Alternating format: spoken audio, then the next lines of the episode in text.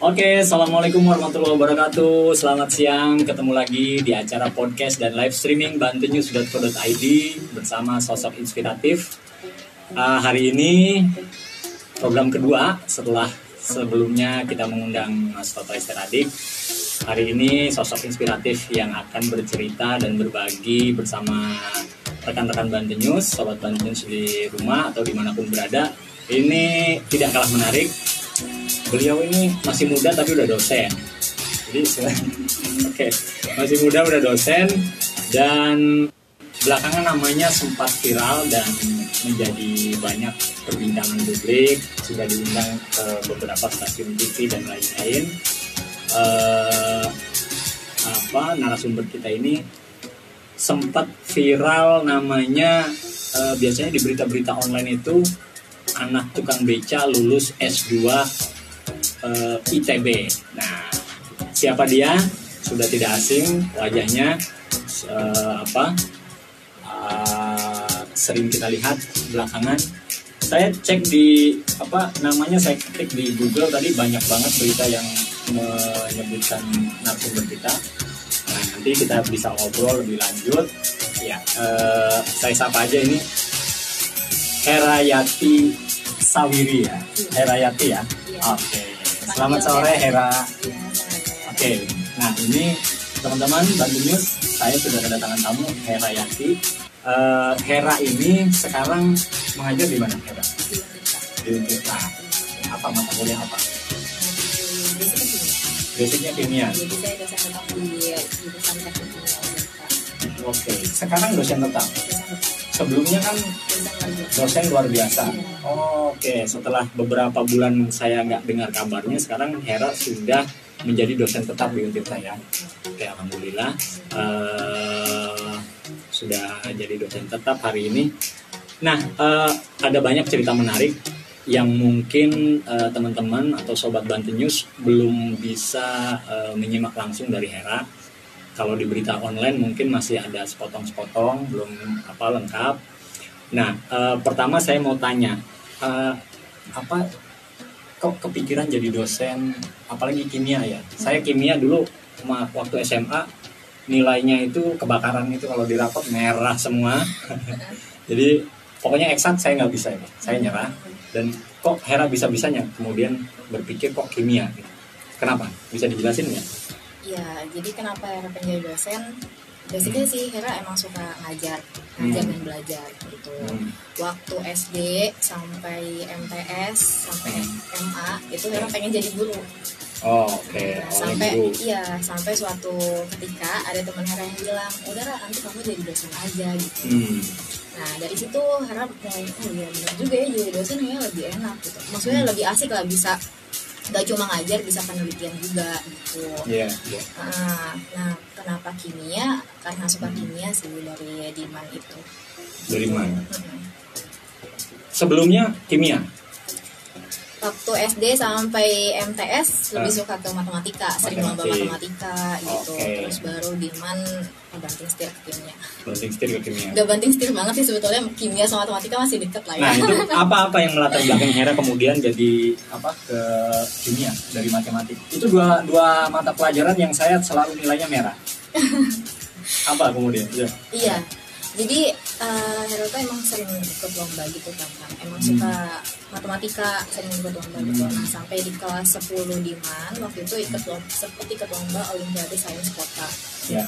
untuk bidang matematika tapi persiapannya sangat minim jadi emang kisah hidup Ratu nggak melulu selalu senang gitu ya jadi ini sisi mungkin salah satu sisi uh, paling terpuruk waktu itu gitu hmm. nah waktu itu maksa ikut lomba tanpa persiapan yang matang nah okay. akhirnya kalah. Sementara hmm. saya tuh uh, temen eh pesaingnya adalah temen Hero waktu MTS dia hmm. lolos sampai ke provinsi gitu. Nah jadi padahal dulu yang sering masuk sering lolos sering juara itu Hera gitu ya dia. Itu apa? Uh, eh, OSN apa? Olimpiade iya OSN tapi untuk tingkat kota dulu seleksi di kota. Oh seleksi di kota. Uh, level uh, di kota Cilegon iya ya? di kota Cilegon. Waktu mewakili kan, apa? SD apa dulu? Mewakili MA Madua Cilegon, Cilegon ya? Iya. oke okay, okay ya udah dari hmm. situ kalah akhirnya hmm. kayak sedih banget hmm. jadinya dan sampai suatu ketika ada lomba kimia Hmm. Nah, emang waktu itu emang udah OSN juga. bukan, Bukan, beda lagi. di Untirta waktu itu. Oke. Hmm, jadi himpunan mahasiswa teknik kimia Untirta ngadain lomba, Hmm. jadi Hera ikut dan juara di situ untuk tingkat nasional juara dua sih. Tingkat nasional juara dua. Iya, Kimia. kimia.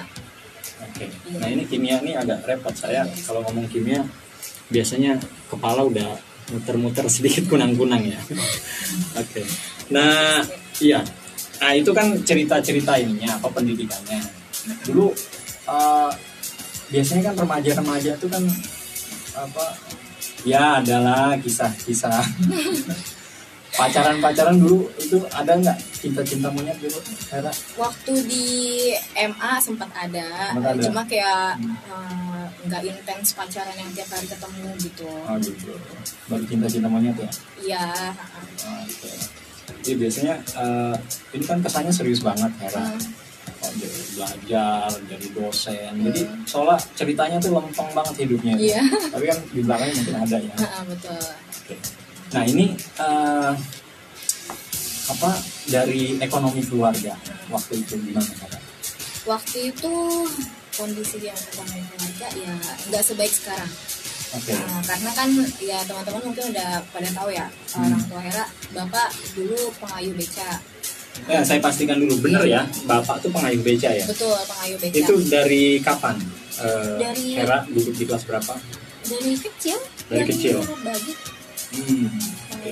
Biasanya di mana bapak? Di Mangkalnya di mana? komplek KS. Komplek KS ya. Iya. Oke, kalau ada teman-teman yang tinggal di komplek KS, kalau ada tukang beca namanya Bapak Sawiri, nah ini anaknya sekarang udah jadi dosen. Ya. Alhamdulillah. Alhamdulillah ya. Oke. Nah, bisa diceritakan dulu seperti apa dari perjuangan Bapak waktu itu sampai sekarang sampai hari ini. Iya, jadi dulu bapak itu uh, pengayuh beca. Nah, Hmm. tapi beliau tuh nggak pure pengayuh beca, jadi nggak cuma narik. Hmm. Nah, beliau tuh punya uh, jemputan gitu, jemputan anak sekolah, Langganan. langganan, Oh, langganannya yang ya beliau dapat gaji tiap bulan, Oh, dibayarnya per bulan. dibayar per bulan, Hmm. kalau nggak salah 500 ribu mungkin satu Oke. bulannya. Untuk per orang. Enggak total, jadi Total. uh, uh, jadi sempet tiga orang apa Hmm. anaknya anak uh, jemputannya itu Ya. tiga orang. Nah, jadi total 500 ribu. Heeh. Itu tahun berapa?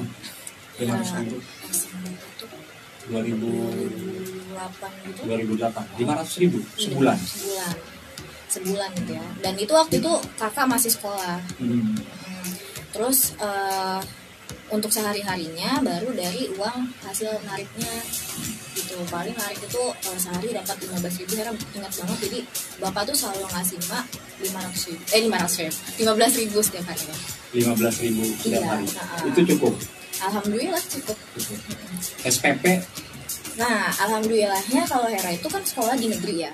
Jadi Oke. MTS negeri di Cilegon sampai MA itu emang udah dibebaskan dari SPP. Oh, oke. memang ya Dinas Pendidikan Kota Cilegon bagusnya di situ gitu. Oke. Nah ini apresiasi buat dinas Apresiasi. pendidikan Kota Cilegon ya. Iya. Mudah-mudahan kabupaten kota lain juga ada begini ya program sekolah gratis ya. Kalau nggak salah sekarang untuk Sudah ya? provinsi Banten Sudah sudah, ya? hmm, udah udah udah sistem. Jadi nggak terlalu banyak eh, apa untuk SPP dan lain-lain. Betul. Tapi dengan uang 500 bapak bisa berapa anaknya bapak? Bapak itu anak empat, Hmm. satu udah nikah. Waktu itu yang jadi yang masih tanggungan sekolah tuh tiga orang, Iya. kakak, kakak dua dan Hera. Hmm. Gitu. Dan alhamdulillah cukup. Lupa sih sebenarnya antara 300 atau 500 aja sebulan. Iya.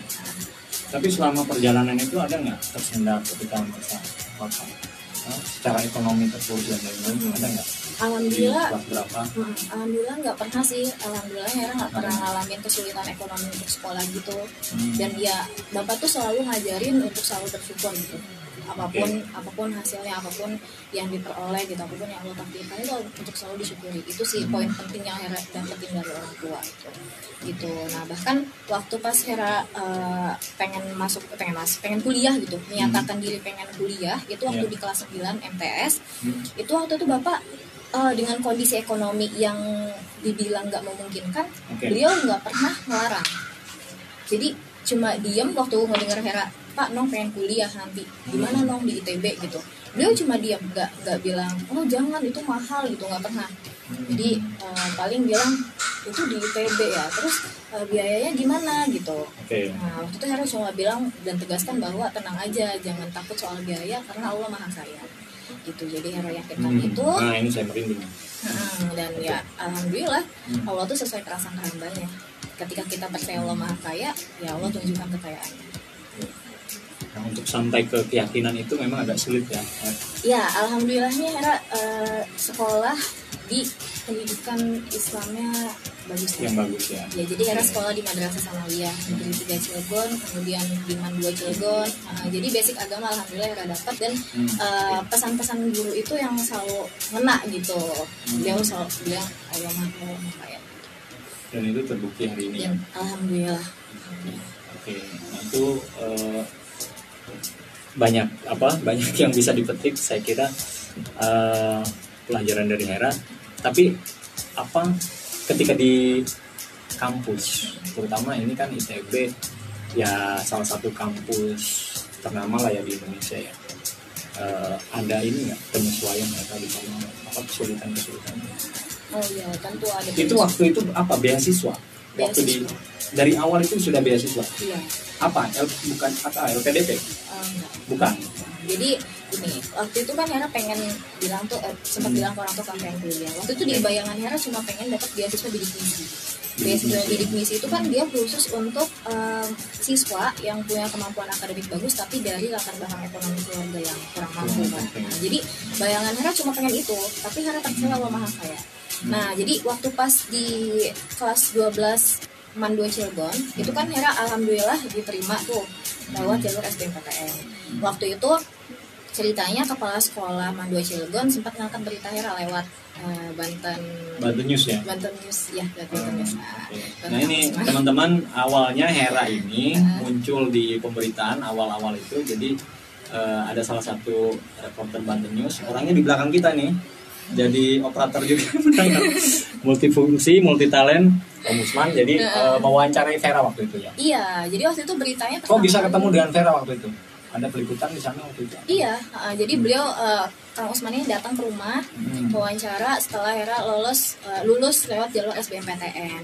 oke Nah, ternyata waktu itu beritanya dinotis sama uh, wali kota Cilegon oke saat itu Iya, gitu. Jadi dan kebetulan juga waktu itu Dinas Pendidikan Kota Cilegon memang memberikan reward atau apresiasi untuk Hmm. siswa Cilegon yang diterima di ITB, UI, UGM. Oke Uh, jadi uh, kita dapat reward gitu. apa bentuk rewardnya dari dinas pendidikan Beasiswa. Beasiswa, beasiswa bantuan dana awal waktu itu namanya. Oh, oke Nah, nah jadi Hera waktu itu sempat semacam ini juga. stimulus ya untuk apa Iya, uh, merangsang semangat gitu ya. ya Nah, oke. Hmm.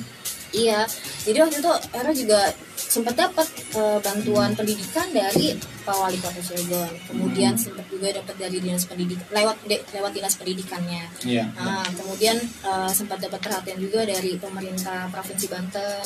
Oh ada juga. Iya, nah, karena berita yang sempat viral itu gitu. Jadi Oh. memang jalannya lewat media. Lewat media ya. Iya. Ya, jadi eh, salah satu apa eh, yang membuat Hera sampai hari ini mungkin dari hikmahnya dari Iya, informasi betul. pemberitaan itu ya. Gitu terus ya dari ITB-nya juga kan lewat beasiswa bidik misi alhamdulillah dapat jadi ya alhamdulillah Oh sorry, waktu itu eh, berapa untuk BAD itu bantuan awal apa? Mm-mm. waktu itu dari pem- eh, wali Pemkot kota Cilegon. iya Pemkot Cilegon sempat dapat 20 juta 20 juta nah, untuk dana awal dana awal ya. Iya dan eh, di tahun kedua dan Itu per ketiganya orang untuk Hera sih untuk Hera. iya yang Hera? lain juga dapat dan Hera nggak tahu besarannya berapa Oh besarannya berapa? Nah. Tapi Hera 20 juta 20 waktu itu juta ya. untuk Oke. tahun kedua 15 tahun ketiga 15 Hmm, ya. Itu selalu ada ini nggak? Misalnya apa kayak apa? Eh, monitoring Iya. gitu. ada ada apa bentuk pertanggung jawabannya Hera ke mereka IP oh, oke Iya. indeks prestasi Indeks prestasi. nggak boleh turun nggak boleh turun harus Hmm. di atas 3, eh harus di atas 3 persen harus di atas tiga? Iya. Nah ini kalau yang teman-teman yang IP-nya Nasakom nasib satu koma jadi agak repot dapatnya ya. Iya dan apa monitoring itu juga nantinya ada cerita lanjutannya gitu dari monitoring itu. Hmm. Nah, kebetulan waktu pas jadi setiap semester itu Hera laporan IP kan ditanya IP-nya berapa Hmm. gitu sama kakak kakak keseluruhan jadi Hmm. selalu dilaporkan. Dan kebetulan waktu pas di semester 5 nya Hera dapat IP 4 Di semester 5, iya. Waktu S1 S1 4 4 4,00 iya. Itu udah mentok loh.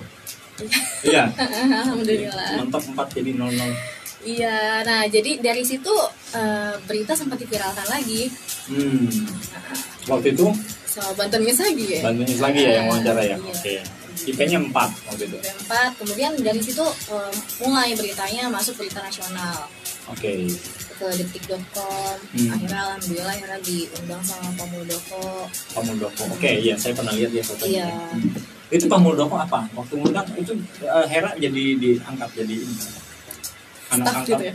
bukan staff anak angkat Pak Muldoko atau apa waktu itu beritanya? Iya saya sempat lihat sih apa itu enggak enggak. Eh, beliau ingin membantu. Ingin membantu. Hmm, jadi memang beliau memberikan beasiswa juga Hera waktu itu. Hmm, Nah, ada dan- beasiswa Muldoko. iya. Ah, dari pribadinya Pak Muldoko? Dari pribadinya. Waktu itu beliau belum jadi kepala staf kepresidenan. Oke. Nah, baru pensiun dari pensiun dari Panglima ya? iya betul baru pensiun. Iya. Ya Pak Muldoko ini Hera hari ini sudah Iya, jadi dosen. Iya dan masih sering komunikasi dengan masih komunikasi iya. Pak Muldoko. Oh, oke Iya, iya. nah itu kan ceritanya masih eh, terus. Tadi soal IP turun gimana? Oh IP pernah IP turun? Iya, jadi memang nggak mudah. Di ITB. Waktu pas Hera diterima gitu ya, di titik itu juga Hera takut sebetulnya. Bisa nggak ya, bisa nggak survive di ITB gitu. ITB kan tempatnya orang-orang pintar, Iya. yang ya gitulah sempat ada ketakutan-ketakutan itu. Hmm. Ya sempat ada adaptasi juga untuk tahun pertama Hmm. Semester 1 waktu itu jadi kalau kami di ITB itu ada tahap persiapan bersama kami masih belajar fisika dasar kimia dasar kalkulus gitu ya itu semester satu Ya, yang nama yang sekalipun namanya dasar tapi materinya advance gitu. Jadi Oke. memang uh, uh, ya butuh penyesuaian lah gitu. Apalagi waktu itu Hera kan dari Mandua Cilegon sendiri Hmm. kan. Dari Mandua tuh cuma Hera yang masuk ITB waktu itu. Jadi nggak ada teman deket gitu. Hmm. Uh, teman-temannya dari jauh semua. Ya butuh adaptasi untuk uh, bisa menempatkan diri di antara mereka. Iya. Tapi alhamdulillah di ITB itu nggak ada diskriminasi. artinya sekalipun- gimana Sekalipun uh, kita dari keluarga yang kurang mampu, oke. itu nggak jadi masalah. Yang penting kita mau memba- membawa diri dan berbaur sama mereka gitu. Ya alhamdulillahnya Hera ada di lingkungan yang seperti itu. Jadi ketika kesulitan dalam hal akademik pun kalau kita mau nanya sama teman kita gitu itu dibantu dosen-dosen di ITB pun ya Nggak pernah ada pembedaan-pembedaan iya ha-ha. iya betul nah jadi di IP di semester 1 itu 3,53 nah Hmm. di semester 2 nih semester 2 ada mata kuliah olahraga yang Ah. jadi satu kelemahan Hera di situ jadi ya nggak nggak suka olahraga Enggak. Nah iya, ini mata pelajaran selain matematika, olahraga saya selalu nilainya merah. Oke, nggak suka olahraga ya? Tapi itu mata kuliah, masuk ke mata kuliah di Iya. apa? Berapa SKS? 2 SKS 2 SKS. Itu yang bikin eh, nilai Hera agak turun. iya dapat C olahraga dari dapat C. iya Apa ujiannya waktu itu? lari lari 2,4 kilo Iya, menyebalkan. olahraga itu agak. iya Tapi agak- maaf Pak Rohindi dulu saya ikut apa?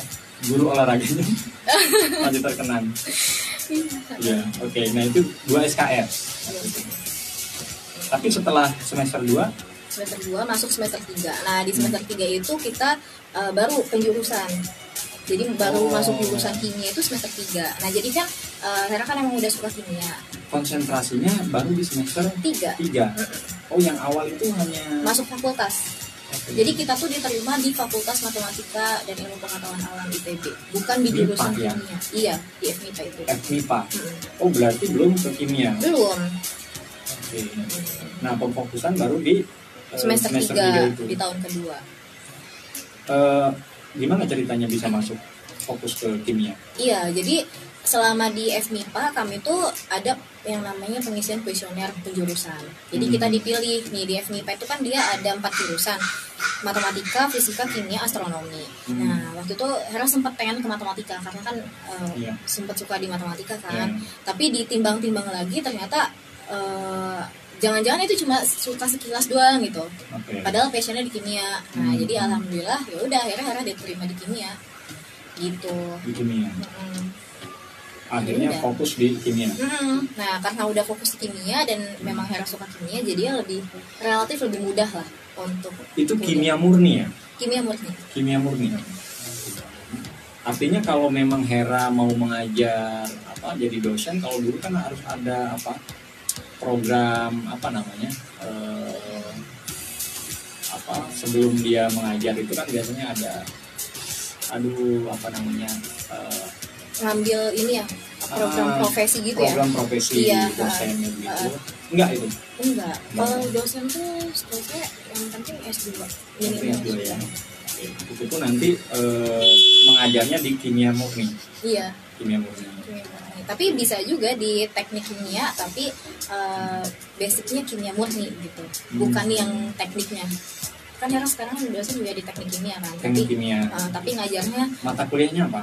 Mata kuliahnya kimia fisik dan larutan. Kemudian kimia organik bahan alam. Hmm, farmakologi gitu gitu. Jadi yang basicnya kimia murni. Nah itu eh, awal-awal itu kan selesai dia satu kan. Iya Kemudian, nah itu kok kepikiran langsung ambil S2 di situ nah iya jadi kepikirannya itu sejak di semester 5 semester lima. Hmm. Kenapa kepikiran? Karena di semester 5 itu pertama waktunya pendaftaran program fast track. Hmm. Jadi fast track itu kan S1 S2 5 tahun kan. Hmm. Nah, jadi Itu semacam ini ya apa akselerasi ya? Iya, akselerasi. Oke. Iya. Jadi pendaftaran itu mulai di semester 5 karena kami di semester 5 itu ada program pendahuluan sebelum fast track. Oke. Nah, yang berhak untuk daftar itu hanya mahasiswa yang punya kemampuan akademik yang baik. Hmm. gitu. Nah alhamdulillah uh, IP Hera kan stabil ya. Ya. Alhamdulillah di atas 3,5. Selalu di atas tiga terus. Selalu di atas 3,5. Selalu di atas 3,5. Iya, ha-ha. Jadi Hera punya kesempatan untuk itu Hmm. gitu. Dan sempat terlintas kan di awal bahwa Hera tuh pengen jadi dosen dan kalau misalkan mau jadi dosen S2 Hmm. adalah keharusan. Ya. Nah, jadi sempat uh, ya udahlah coba ikut program ini gitu. Hmm. Jadi alhamdulillah uh, bisa daftar, kemudian dari situ mulai ngambil mata kuliah-mata kuliah yang dikhususkan untuk mahasiswa fast track. Hmm. Di semester 7 itu kami udah ambil mata kuliah S2. S2. Nah, Oke. Jadi makanya S2-nya bisa lebih cepat itu karena di semester 7 di S1 kami udah ambil mata kuliah S2. Ketika lulus S1 itu udah udah lulus 12 SKS S2. Oh. Nah, sisa 20 Jadi lebih awal kita itu Iya. lebih, awal ya. Iya, ha. Oke. jadi mata kuliah yang diambil di S1 itu ditransfer ke S2 Hmm. gitu. Nah, jadi kan kalau S2 harus lulus tuh 36 SKS kan. Ya. Sisanya 24 SKS itu alhamdulillah bisa ditempuh dalam waktu 10 bulan. 10 bulan. Iya, jadi Artinya bukan S2-nya 10 bulan ya? iya bukan. Bukan ya? Bukan. Oke, berarti ya artinya kan eh, Hera sudah mengambil beberapa apa mata kuliah Ha-ha. di awal di waktu masih S1 itu. Iya, tapi officially Hera S2 10 bulan karena Hera tuh Hmm. baru masuk S2, baru resmi jadi mahasiswa S2 tuh bulan Agustus 2009 2018. 2018. Ah, itu Ya. bahkan lulus S1 Juli 2018. Hmm, Agustusnya langsung daftar jadi mahasiswa baru S2. ya. Nah, Agustus mulai kuliah sampai akhirnya Hera sidang kelulusan magister itu bulan Mei 2019. 2019. Jadi genap efektifnya 10 bulan. genap 10 bulan. Oh, itu 10 bulan ya. Nah, itu 10 bulan kalau untuk apa eh, studi kimia kayaknya ke kepala bisa ngebul ya. 10 bulan Alhamdulillah ya. ha, berkat bimbingan dosen pembimbing Ah, dan oke. teman-teman di S2 kimia itu. Iya. Nah itu 10 bulan dalam waktu 10 bulan itu eh, artinya mata kuliah kan sudah dari awal Mm. diambil. Nah itu berarti memangkas waktu eh, ya idealnya kan biasanya dua Dua tahun tahun. kan. Berarti kan ada sekitar eh, dua, 14 bulan ya. 14 bulan. 14 bulan ya. Oke. Dan itu lulus ya. Alhamdulillah. Cum laude. Oke. Jadi cepat tapi hasilnya memuaskan. Iya. Cum laude. Oke. Jadi yang terpenting bukan cepat atau enggaknya sih yang Iya. adalah seberapa maksimal kita selama kuliah Hmm. seberapa maksimal kita memanfaatkan waktu yang kita punya gitu jadi Iya. kuliah pun jangan cuma fokus ke akademik Iya. Karena akademik itu nomor satu memang tapi nomor bukan cuma satu ada nomor Hmm. dua tiga empat yang harus diisi dengan kegiatan bermanfaat lainnya Iya, iya, iya. Oke, teman-teman makin menarik sore apa perbincangannya. Eh, jadi saya apa agak minder nih kalau apa ngomongin Hera aja mata kuliah yang agak sulit ya saya nggak bisa masuk ke situ tapi Hera dengan cepat bisa menyelesaikan studinya. Nah, eh, saya mau loncat ke pertanyaan yang di luar itu ya. Eh, kalau di masyarakat kita itu kayak apa perempuan itu selalu identik dengan dapur, kasur, nah sumur. Tiga itu dunianya. Jadi kalau untuk pendidikan kelihatannya tidak terlalu apa, tidak terlalu di apa, tidak terlalu diutamakan gitu. iya Apalagi Hera misalnya dari ya kita tahu latar belakang ekonomi Hera. ya. Nah, anggapan Hera terhadap apa, eh, anggapan semacam itu seperti apa? sebetulnya itu pilihan ya Pilihan. pilihan jadi Hera nggak pernah menyalahkan orang yang pada akhirnya kembali ke ke apa mengurusi rumah tangga pure gitu Hera nggak Oke. menyalahkan itu itu Iya. pilihan lah nah tapi bagi Hera adalah intinya eh, setiap orang itu pasti ingin menjadi sebaik-baiknya manusia Ya. dan sebaik-baik manusia adalah yang paling bermanfaat untuk orang banyak nah kalau misalnya kita bisa bermanfaat lebih di luar kenapa Oke. enggak gitu jadi Hmm. uh, yang perempuan nggak cuma sebatas di sumur kasur dan lagi? dapur ya Hmm. Dapur, sumur. iya kalau kita bisa berperan di semuanya kenapa enggak Hmm. dan ya semuanya bisa dilakukan kok yang penting kita bisa manajemen waktunya dengan baik. Oke. Ini ya eh, kalau ngobrol sama Bu dosen begini ya, jadi agak semua tentang perkuliahan. Nah kalau apa hobi Hera tadi eh, menyebut apa hobi? hobi baca sih Baca ya? baca novel, Baca novel. dengerin Hmm. musik nonton Oke. YouTube Ah sama aja. Nah ini novel, kenapa novel? novel itu karena dari situ bisa dapat hiburan dan bisa dapat ilmu juga dari situ gitu jadi nggak melulu serius karena kalau misalkan di kampus nah itu udah ketemunya sama rumus lagi sama analisis analisis yang saintifik gitu ya. Iya. nah kalau di novel kan kita bisa eh, dapetin sisi lain gitu. Bukan cuma soal eh, sisi saintifiknya makanya Mira suka baca novel. Lebih imajinatif.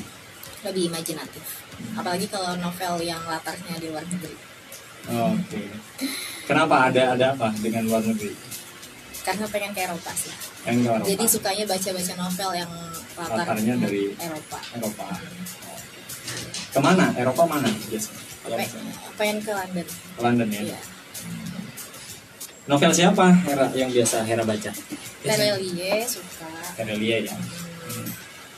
terus sempet Yang mana? Yang judul apa? Terelie. hujan pulang Iya. Itu kan banyak ya Iya. novelnya Terelie. Tentang kamu itu tentang kamu tuh novel Terelie yang dia kalau nggak salah eh, apa latar tempatnya di London Hmm. Mudah-mudahan nanti setelah ini nanti ada yang nawarin Hera ke London ya. Amin Jadi jalan-jalan sampai mana? Yang paling jauh sampai mana Hera? ke Thailand pernah Thailand pernah. ke Malaysia. Apa dalam rangka apa Thailand? Eh, waktu itu Hera kan S2 nih S2 fast track itu dia ada program sandwich. Sandwichnya ini sebetulnya pilihan awalnya adalah ke Belanda. Awalnya ke Belanda. iya Oke. jadi Hera waktu itu udah eh, apply programnya ke Belanda. Hmm. waktu itu sempat masukin motivation letter tapi eh, ada satu dokumen yang nggak bisa Hera masukkan karena eh, ada beberapa hal lah. Tapi alhamdulillahnya waktu itu dengan motivation letter pun Hera udah dapat email dari Belanda sebetulnya Oke. dari profesor di sana waktu itu udah seneng banget tapi yang dilema karena nggak dapat izin Dari ya, dari kampus dari kampus. iya dari kampus nggak dapat sempat nggak dapat izin Oke. Kenapa? Apa alasan kampus nggak dapat izin ke sana? Ada sesuatu lah Ada sesuatu ya? iya. Oke. jadi memang hidup Hera tuh nggak lempeng-lempeng aja banyak banyak Ada drama-drama ya, ya, drama-drama. iya jadi yang udah seneng banget eh, udah sempat direlakan tapi pada akhirnya dapat harapan lagi dan pada akhirnya harusnya harus direlakan dan banting setir gitu jadi akhirnya Hera eh, dapat kesempatan untuk ke Thailand untuk penelitian. Jadi S2 yang 10 bulan itu satu semesternya di ITB, 4 bulannya di Thailand untuk menyelesaikan tesis. nah di Thailand apa yang dilakukan di sana Waktu itu sintesis senyawa berbasis kulit udang untuk penghantar obat. itu penelitiannya di sana Iya, kulit udang kulit udang. itu bermanfaat ya Bermanfaat, Banyak sekali. untuk obat ya Ya, bisa untuk obat. Waktu di S1 Hera juga pakai kulit udang untuk eh, ini oh iya apa skripsinya apa dulu Bang? Dulu Hera skripsi itu sintesis kitosan termodifikasi glutamaldehyde Hmm. untuk absorben logam PB dari sungai, dari air sungai. Dari air sungai. sampelnya sungai Cikapundung Sungai Cikapundung. yang S2 S2 judulnya sintesis kitosan tersulfonasi. Eh, amfifilik kitosan berbasis berbasis kitosan tersulfonasi untuk penghantaran obat kurkumin obatnya. saya nggak paham itu ya eh, oke masih masih banyak sebenarnya yang mau kita obrolkan. Nah tapi eh, apa dari Hera lulus kemudian ada salah satu perguruan tinggi yang kita sebut saja ya Universitas Tirtayasa ya Iya. eh, meminta dalam tanda kutip ya meminta Hera untuk ngajar di situ kan itu statusnya dosen luar biasa waktu itu Iya. Nah, kok tiba-tiba sekarang saya dengar jadi sudah dosen tetap? Apa? Ada tahap apa yang saya belum tahu? ada tahapan waktu itu sempat tes sempat tes, tes. jadi dosen tetap di UNJ Di. Itu kapan? tesnya November November. Setelah jadi dosen luar biasa iya berapa bulan? tiga bulan Tiga bulan ya. tiga bulan Berarti sekarang statusnya sudah dosen tetap di. Baik, eh, teman-teman, makin seru sebenarnya eh, obrolan kita sore ini eh, dari Hera eh, terkait pendidikan dan perjuangan Hera sampai menjadi dosen tetap hari ini. Sebenarnya banyak lika-liku eh, drama-drama dalam apa dalam cerita Hera ya tadi salah satu yang disebutkan itu. Nah ini mungkin pertanyaan pamungkas eh, untuk Hera sebelum nanti netizen biasanya di rumah pengen tahu banget nih kayaknya. Saya nanti ah ini ada yang japri japri itu ya yang langsung ke WA saya. Hera sudah punya pacar belum katanya atau sudah punya tunangan belum? nah ini harus dijawab ini. Kalau nggak dijawab kita episode ini gagal. udah Udah. Udah. Wah, udah, udah punya. Jadi jangan sakit hati. Ini hari apa? Hari berkabung eh, hari patah hati se Banten atau se Cilegon ya. Udah ya. Oke. Nah, ini apa? Eh, sudah punya pacar Hera ya? calon sih Calon ya, lebih ke calon. Wah, Lebih ke apalagi calon. lebih serius lagi. Tadi di di belakang saya ngobrol-ngobrol calonnya eh, rekan yang apa bertugas di salah satu institusi di Polri ya. Eh, calonnya Hera di Polda Banten. Jadi jangan macam-macam oke teman-teman masih apa masih banyak sebenarnya yang mau saya tanyakan tapi karena waktu kita dibatasi untuk episode kali ini eh, sosok inspiratif kali ini eh, Herawati Herayati ya ini sosok yang sebelumnya viral di media sosial di pemberitaan dan lain-lain Eh, anak tukang beca yang hari ini bukan lagi lulus S2 ITB tapi sudah menjadi dosen tetap di Universitas Sultan Ageng Tirtayasa. Nah, dari perjuangan Hera untuk mendapatkan eh, profesi dosen hari ini tidak mudah, ada banyak tantangan dan cobaan yang itu sudah bisa dilalui Hera dengan begitu sabar, tawakal sampai akhirnya Hera bisa membuktikan cita-citanya hari ini. Eh, terima kasih Hera sudah hadir di acara podcast Banten News. Teman-teman di rumah, Terima kasih Sobat Bantu News. Kita akan bertemu lagi hari Sabtu berikutnya dengan sosok inspiratif yang tidak kalah menarik, tapi namanya tidak saya sebutkan hari ini supaya nanti teman-teman bisa langsung uh, lihat live-nya di fanpage dan Instagram Banting News. Terima kasih, saya Wahyu Arya, sampai jumpa.